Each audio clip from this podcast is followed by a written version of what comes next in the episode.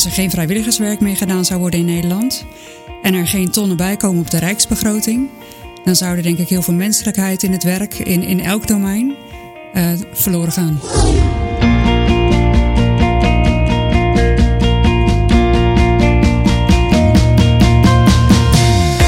Welkom bij de Surf Podcast van Mozaïek 033. Mijn naam is Marcel Koning. In Mozaïek willen we God aanbidden, elkaar liefhebben en onze omgeving dienen. Over het laatste, onze omgeving dienen, gaat deze podcast. Je maakt steeds kennis met een deel van Mozaïek dat zich actief inzet voor vrijwilligerswerk. Om zo geïnspireerd te raken om iets te betekenen voor je omgeving. De gast van deze week stelt zich nu aan je voor. Nou, hoi, ik ben Monique. Monique Mol en ik woon in Ermelo, eigenlijk in Spult. Uh, wij zijn vanuit Amersfoort, uit de binnenstad van Amersfoort, verhuisd naar Spult. Agrarische landschap, prachtig. Voor de rust en de natuur. En uh, ik ben aan het werk als uh, algemeen coördinator bij Stichting De Herberg in Apeldoorn. En wij zijn een stichting en we zetten ons in voor mensen waar het voor schuurt in de samenleving. Ja. En in de praktijk ziet dat er vooral uit dat we veel uh, dak- en thuislozen bedienen. Ja, daar gaan we het zo over hebben. Welkom. Mm -hmm. Fijn dat je er bent. Speelt is wel, ik, het is wel, nou ja, ik ben een fietser. Oh ja, ja, dan kom je vast in speelt. Dus uh, daar uh, op de Veluwe is het uh, mooi, mooi fietsen. Ja, Zeker. Ja, ja. Heel, heel erg leuk. Hey, maar de, de herberg in Apeldoorn. Mm -hmm. En wij doen deze podcast vooral met mozaïekers die vrijwilligerswerk doen, die hun omgeving dienen. Maar jij bent dus iemand die die mensen begeleidt. En die ze aan het werk zet. Ik mag de vrijwilligers dienen. Jij mag de vrijwilligers ja. dienen. En dat is ook omgeving dienen, ja, ja zeker. Ja, ja, zeker ja. Wij zijn ook een vrijwilligersorganisatie. We hebben iets van 60 vrijwilligers. En het is fijn als er een vast aanspreekpunt is voor... Uh, mm-hmm. De vrijwilligers zijn er niet elke dag. Dat iemand wel continueert als er contacten zijn. Of uh, als er een ruit ingegooid is. Of als de koffiemelk gekocht moet worden. Nou ja, noem het maar. En daar, uh, daar ben ik voor. Ja. En als we het over vrijwilligerswerk hebben hè, en, en, en uh, omgeving dienen op zo'n manier. En waar zouden we volgens jou, hè, als er geen vrijwilligers zouden zijn, hoe zou Nederland er dan uitzien? Karig, denk ik. Je hebt elk jaar zo'n rapport van. Um, nou, ik kan even niet opkomen, maar dan wordt inge, ingeschat hoeveel werk en hoeveel financiën er uh, gevuld worden door het werk van vrijwilligers. Mm-hmm. En dat is, dat is enorm. En het aandeel van mensen die vanuit de kerken komen, die dat vrijwilligerswerk doen, dat is echt substantieel. Ja. Dus ik denk als er, uh, als er geen vrijwilligerswerk meer gedaan zou worden in Nederland en er geen tonnen bij komen op de rijksbegroting, dan zou er denk ik heel veel menselijkheid in het werk, in, in elk domein, uh, verloren gaan. Dus vrijwilligerswerk zorgt voor de menselijke maat in heel veel aspecten van ons land. Nou, ik denk dat professionals ook heel veel menselijkheid Zeker, in kunnen brengen. Ja. Maar als je ziet goeie, bijvoorbeeld binnen goeie. de zorg, dan is er heel veel uh, tijdsdruk. Ja. En het is super fijn als je dan mensen naast je hebt die als vrijwilliger uh, wel de tijd hebben hè, om met je cliënt koffie te drinken of um, dat praatje te kunnen maken waar de professionals niet altijd tijd voor hebben. Ja. En als, jij zegt wij hebben 60 uh, vrijwilligers binnen jullie organisatie. Mm -hmm. Is het moeilijk om die mensen te vinden? Uh, uh, ja.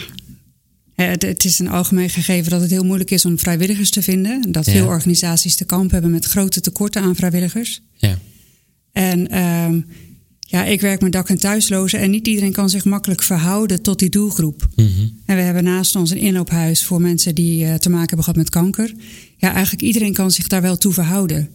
Ja. Ik werk met daklozen. Ja, niet iedereen heeft daar een ja, vaak heeft iedereen er wel een beeld bij. Ja. Maar het is een beetje spooky, daar moet je een beetje van wegblijven. Het, het is een beetje eng. Het is een beetje eng. Ja. ja en dan is het extra moeilijk wellicht om, om uh, mensen te vinden die dat dan willen doen. En waar zit hem dat in?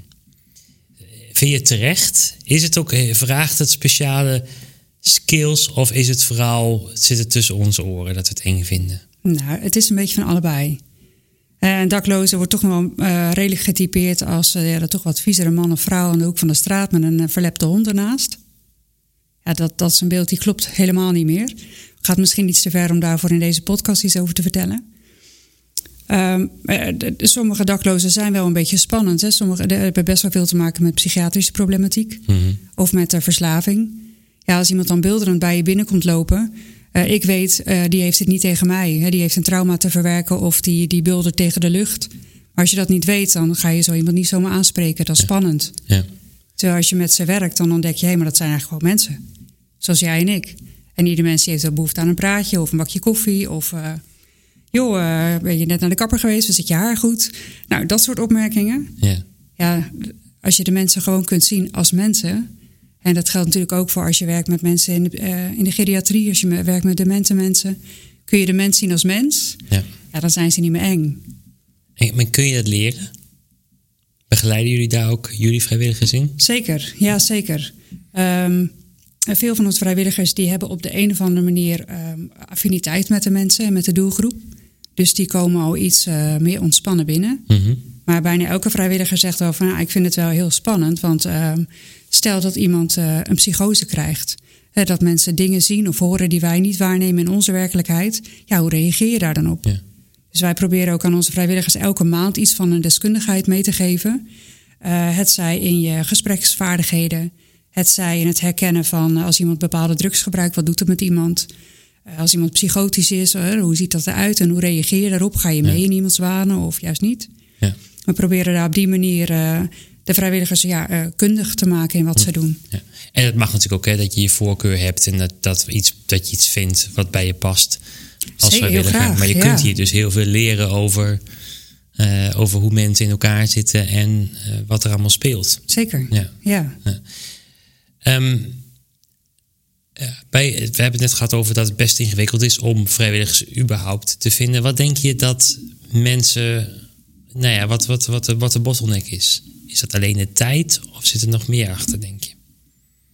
Uh, ik denk wel dat we het allemaal heel druk hebben. Of in elk geval dat we uh, ja, als collectief, collectief toch wel ervaren dat we heel druk zijn. En soms hebben we niet eens zo'n gevulde agenda, maar wel een heel druk hoofd, omdat we zoveel dingen hebben om over na te denken. Hmm. Ja, heb je dan ook nog ruimte om vrijwilligerswerk te doen? Nou, daar kan ik me wel iets bij voorstellen. En soms ook gewoon het, uh, het onbekende, het spannende. Of je nu werkt met daklozen of uh, in een algemeen inloophuis. Ja, je moet toch ergens een drempel over, want je stapt een setting binnen die je nog niet kent. Uh, ga je een klik vinden met je collega's? Ga je het werk zo leuk vinden als dat je denkt dat, dat het zal zijn? Ja. Dat, dat zijn wel spannende factoren. Ja. Het is heel fijn, en dat is natuurlijk ook deze podcast voor. Als je mensen kent die bepaald vrijwilligerswerk doen, dan is het makkelijker om met iemand mee te gaan. Precies. Zo, kom eens even een middagje mee, helpen koffie schenken, kijken. Nou, het is wel iets voor me of nou, het is niet iets voor me. Ja. Ja, mooi. Ja, en dat is, dat is inderdaad uh, de bedoeling. En dan is het leuk om van, van mensen als jou te horen. Uh, wat mensen dan teruggeven. Dus jij, werkt, jij hebt 60 vrijwilligers, zeg je, -hmm. waar, waar jij coördinator van bent. Um, die mensen zijn de drempel al over. Die hebben die connectie met de doelgroep. Uh, worden door jullie begeleid. Wat geven die mensen nou terug? Blijven ze hangen? En de, dat hoop ik voor je. En dat, dat heeft dan vaak een reden waarom ze blijven. Dat het hen motiveert of zo. Mm -hmm. Wat krijg jij daarvan terug aan verhalen van vrijwilligers? Uh, mensen blijven hangen en mensen gaan ook weer weg. Wij zeggen altijd, joh, loop gewoon eens een keer drie keer mee.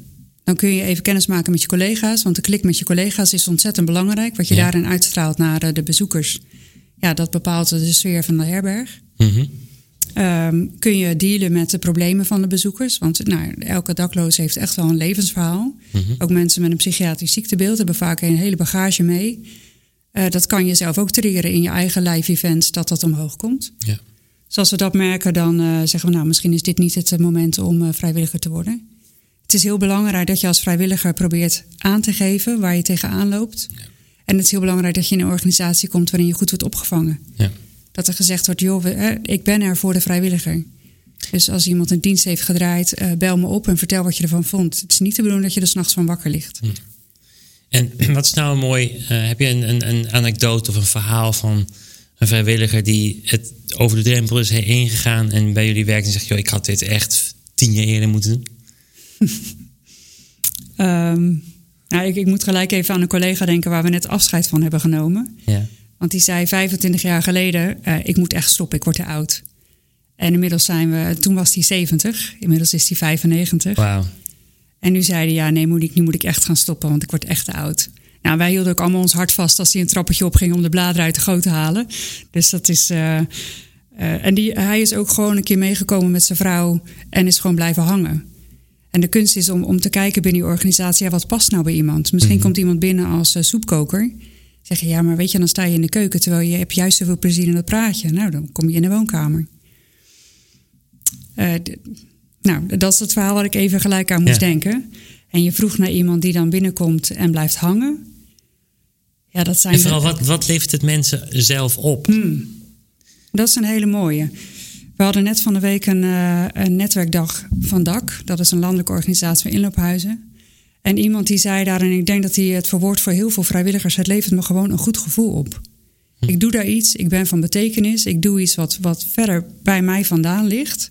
Wat niet alleen voor mijn eigen welzijn is, maar voor het welzijn van een ander. Ja. En dat is natuurlijk gewoon heel mooi om, om, je, om je goed te voelen... doordat je iets goeds doet voor een ander. Ja. Maar er zijn ook mensen die zeggen, ja, we moeten eh, weer reïntegreren. En nou, ik vind het best wel spannend. Kan ik dat in de herberg doen? Er zijn natuurlijk heel veel vrijwilligersorganisaties. Ja. Zeker als je een, een carrièrewijziging wil doen. Ik heb nu een loodgieter en die wil graag het sociale domein in, maar vindt het ook spannend. Nou, kom eerst eens een tijdje bij ons meelopen, kijken of, of je dat past. ja. Oh, mooi. Ja, Ja. dus het levert werkervaring op. Het levert ook tijdsbesteding op.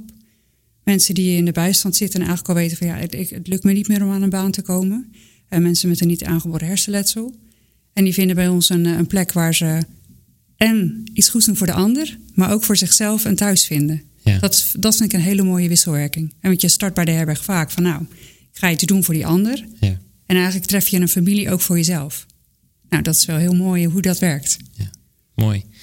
En nou, eh je hebt een mozaïeker. Ehm, Mhm. Wat heeft jouw geloof met jouw werk te maken? Zie je daar een verband tussen? Ja, ik wou zeggen alles. Dat is natuurlijk een heel, eh, heel mooi antwoord. Ik- Alles weet ik niet zo goed, maar wel hij, heel hij veel. klinkt heel... Nee, ja, het klinkt goed, hè? Ja, klinkt daarom, goed, hè? daarom Nee, zei maar- ik het. Ja. Oké, dus die hebben we gehad. Ja. Ja. Nee, wat heeft het met mijn geloof te dat maken? Ja, wel heel veel. Ik heb jaren in de kerk gewerkt met eh, heel veel plezier. Ehm, en voor mij wrong het steeds meer dat ik dacht, ja, we zijn zo bezig met de kerk aan allerlei kanten op te poetsen, van te bekijken en dat soort dingen. En ik wilde gewoon met mijn voeten in de klei. Ik dacht, ja, als ik nou dadelijk bij God eh, in de hemel sta of op de nieuwe aarde of nou waar dan ook, ik ben in conversatie met God en God die zegt, joh, wat heb je nou gedaan? Het begon bij mij te wringen dat ik dacht, ja, maar ik wil zo graag, oh heer, ik heb me ingezet voor allerlei mensen om mee te nemen naar u toe. En toen eh, kwam ik eh, twee keer op straat een, een dakloze persoon tegen. Hele bijzondere, mooie ontmoetingen mee gehad. En toen dacht ik, ja, maar dit, dit moet ik gewoon gaan doen. Ik moet mijn baan binnen de kerk.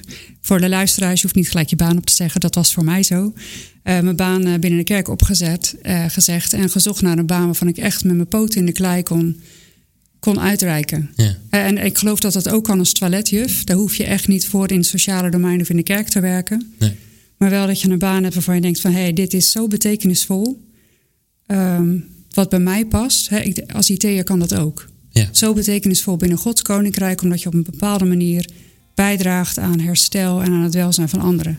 Ja. Nou, voor mij past dat heel erg binnen deze job. Ja. En voor anderen is dat misschien een andere job. Of misschien het vrijwilligerswerk naast de job. Precies. En zo Ja. eh, uiteindelijk komt het dan aan op je, je gesprek met God. Wat je, wat, wat je zo mooi verwoordde. Ik was in gesprek met God en ja, gevoel. Ik heb ook geluisterd. Ja, dat is soms moeilijker als je in gesprek bent met God. Vind ik soms wel eens moeilijk. Laat ik het bij mezelf houden. Ja, nou, wat mooi. Mhm. Ja, dankjewel voor je eh, eh, verhaal en eh, inspiratie. Als mensen nou denken, hey, ehm, nou, de herberg is in Apeldoorn, hè, waar, waar jij voor Klopt. werkt.